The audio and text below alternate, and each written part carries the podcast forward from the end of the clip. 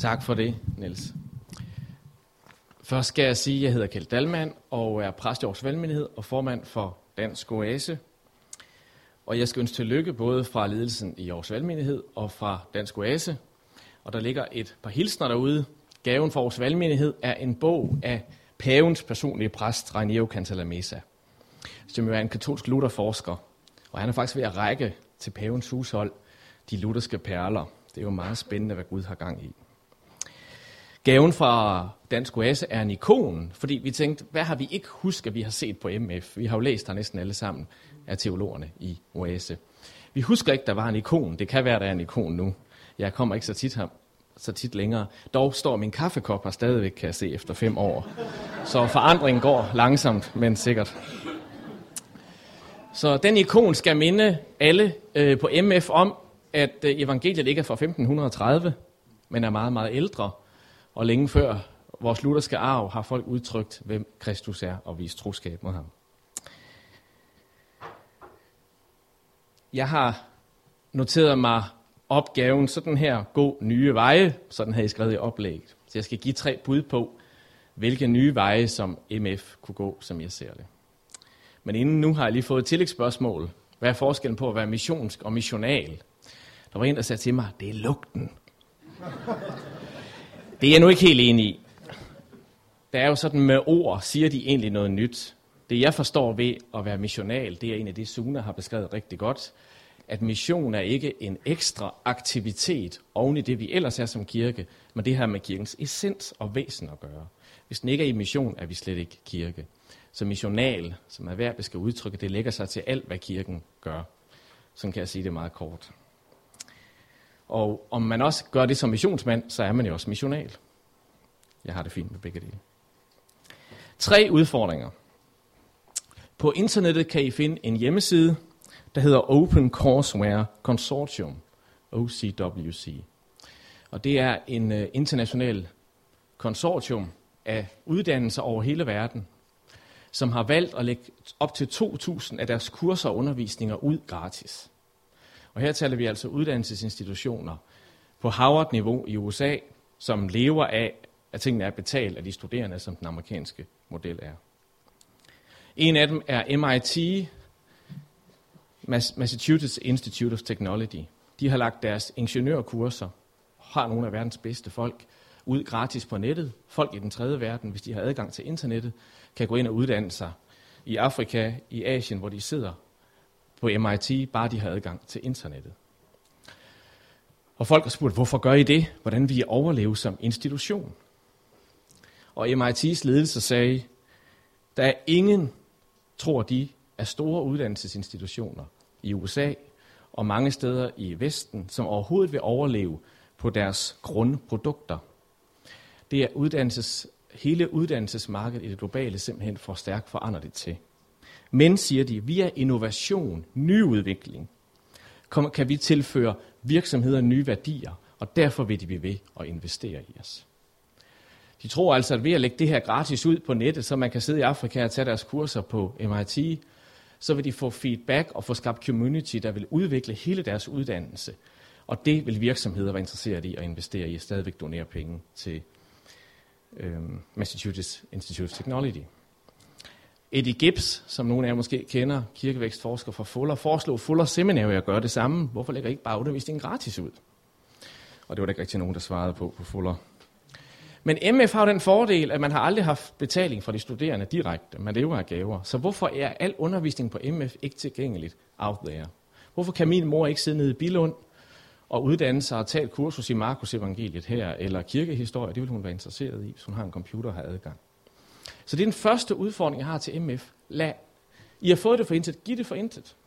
Lad det så hurtigt som muligt blive sådan, at hele, hele kirkelivet på højrefløjen kan få af den undervisning, der gives her. Og det kræver kun et par computernørder, dem har I sikkert nogen af der læser her, der kan det med at lægge det ud, og så er det tilgængeligt. Og man kan så downloade dias eller noter, eller hvad det er. Det er den første udfordring, at det, der sker her, det skal, kan bredes ud på alle niveauer. Kirken i dag er meget veluddannet. Vi har de mest veluddannede kirkegængergrupper i verden. Folk tager mange andre uddannelser. De kan sagtens, den her undervisning kunne sagtens spredes meget mere ud, og det kunne blive et center, hvor man ikke kun uddanner præster og teologer, men uddanner lægefolk, altså, som måske i forvejen er veluddannede og vant til en akademisk metode og kunne tage fra på undervisningen. Jeg tror, at MF skulle satse på at blive den første uddannelsesinstitution i Danmark, der gør det.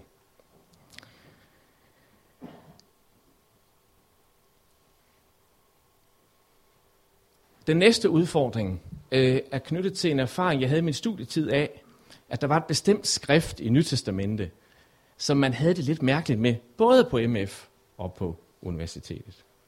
Og det var apostlenes gerninger. Og jeg tror, det er fordi, at vores lutherske tradition har ikke rigtig givet sprog for, hvordan skal vi forstå apostlenes gerninger. Det er jo en del af Guds ord, det håber jeg, vi er enige om. Men det er jo ikke et brev. Det er jo ikke på den måde dogmatisk brev. Og det er jo heller ikke et evangelium. Hvad er det, det er, apostlenes gerninger? Så vi har haft sådan et stedmoderligt forhold til det. Så når man spurgte her på MF, så fik man ikke rigtig nogen klare svar. På uni, så tog man det ikke rigtig alvorligt. Som præst, i et forsøg på at lede en missional menighed, arbejder jeg rigtig meget med apostlenes gerninger. Ikke fordi, at nu skal vi leve som den første menighed i Jerusalem, hvad apostlene heller ikke anbefaler i deres breve ellers men fordi at Apostlenes Gerninger er inspired showcase, inspireret showcases for, hvordan man lever missionalt. Hvordan teologi, al den teologi, vi har i Paulus brev, er blevet til i hans missionsrejser, hele hans missionsprojekt og bevægelse. Det var han ikke enig om. Han var et teammenneske. Det er desværre ikke altid så tydeligt, når vi taler om ham, men det var han faktisk. Jeg tror, at det er helt afgørende for en fremtidig missional teologisk uddannelse, at den har apostlens gerninger stærkt inde som en slags nøgle når vi læser, hvordan Paulus plantede den første menighed, han plantede i hvert fald i Europa, i Filippi, gennem Lydia, så brugte han fuldstændig den metode, som Jesus underviser om i, Apostlen, eller i Matthæus 10 og Lukas 10. Så Apostlenes gerning kan faktisk blive en nøgle til at forstå brevene og alt det andet på ny. Apostlenes gerning er også båret af en apostolicitet netop en sendelsesdimension stærkt i kirken, som er langt mere end de 12 apostler og Paulus, altså de historiske vidner, men er apostel som funktion. Det er, at kirken stadigvæk har en apostolicitet i sig, og er sendt. Og den bliver vitaliseret, når vi læser og lader os inspirere af den missionshistorie, som er i Apostlenes Gerning. Så Apostlenes Gerninger og derefter missionshistorie det hele taget igennem hele kirkehistorien bliver helt afgørende og får meget, meget mere på banen. Den tredje og sidste udfordring er knyttet til et bestemt kapitel og et bestemt vers i Apostlenes Gerninger. Og det er i kapitel 19, hvor Paulus sidder i Efesus. Han får ikke engang løn af menigheden. Han var teltmager. Og jeg tror, han vidste, hvor der var store grupper af flygtninge, der var det altid nemt at sælge telte. Og øhm, på det her tidspunkt var der så meget kraft over ham, og han var så meget færdig med sig selv, står der i skriften, at bare de to tørklæderne fra ham, så blev folk helbredt. Det er de færreste af os, der har set formentlig den Guds kraft manifestere sig på den måde. Den Paulus, vi møder, han øh, har lidt problemer, så han samler disciple om sig og starter det første MF. Det hedder ikke MF, det hedder Tyrannos' skole der samler han, tror jeg, missionale praktikere. Der står faktisk i skriften, at da han gjorde det, der står ikke, at han selv tog ud og plantede menigheder. Der kom alle folk i hele Lille Asien til at høre Herrens ord. Både jøder og grækere, står der så. Og det skriver Lukas, fordi han er en god missionsteolog, der ved, at Paulus arbejdede missionalt. Og derfor kunne evangeliet både oversættes til jøder og til grækere gennem det arbejde, der skete i Tyrannos' skole. Så min tredje udfordring til et fremtidigt MFR arbejde med, hvordan ser uddannelse ud, hvis vi tager udgangspunkt i Tyrannos' skole i Efesus.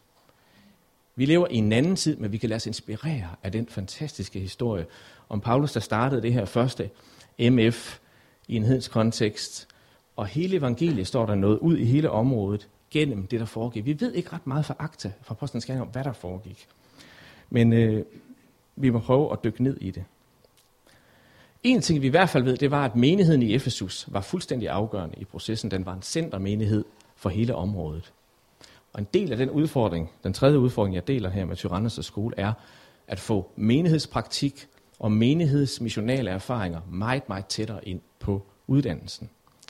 I Dansk OS er vi med i SALT, Uddannelse Skandinavisk Akademi for Lederskab og Teologi, som på mange måder har forsøgt at bygge en uddannelse op efter de anbefalinger, Sune har givet. Men en af svaghederne i SALT er, er der det tætte samspil reelt med de menigheder, hvor de studerende kan få den her missionale erfaring i deres egen kultur. I øh, Aarhus Valgmenighed tror vi, vi er kaldet til at plante flere menigheder. Vi er i gang i Horsens, og til næste år forhåbentlig i København med at plante flere menigheder. Og når vi taler om menighedsplantning, så er det lige meget, om man fornyer og vitaliserer en døende sovnekirke, eller man planter en ny valgmenighed eller frimenighed. Det er ikke så afgørende for os. Det handler om, at kirke, Guds rige kommer, og at der bliver plantet menigheder, opbyggede menigheder. I den proces vil vi til næste år prøve at samle de mange teologistuderende, hvor mange jo også er her på stedet, i et slags træningsforløb, hvor de kommer meget tættere på os som præster i Aarhus Valgmenighed. Og jeg tror, så vidt jeg ved fra sekretæren, så skal Ingolf og jeg snart mødes og tale noget mere om det. Vi er altså en menighed, der siger til MF, og også en bevægelse i Oase, tror jeg, vi vil danse efter det missionale orkester. Vil I danse med os? Tak.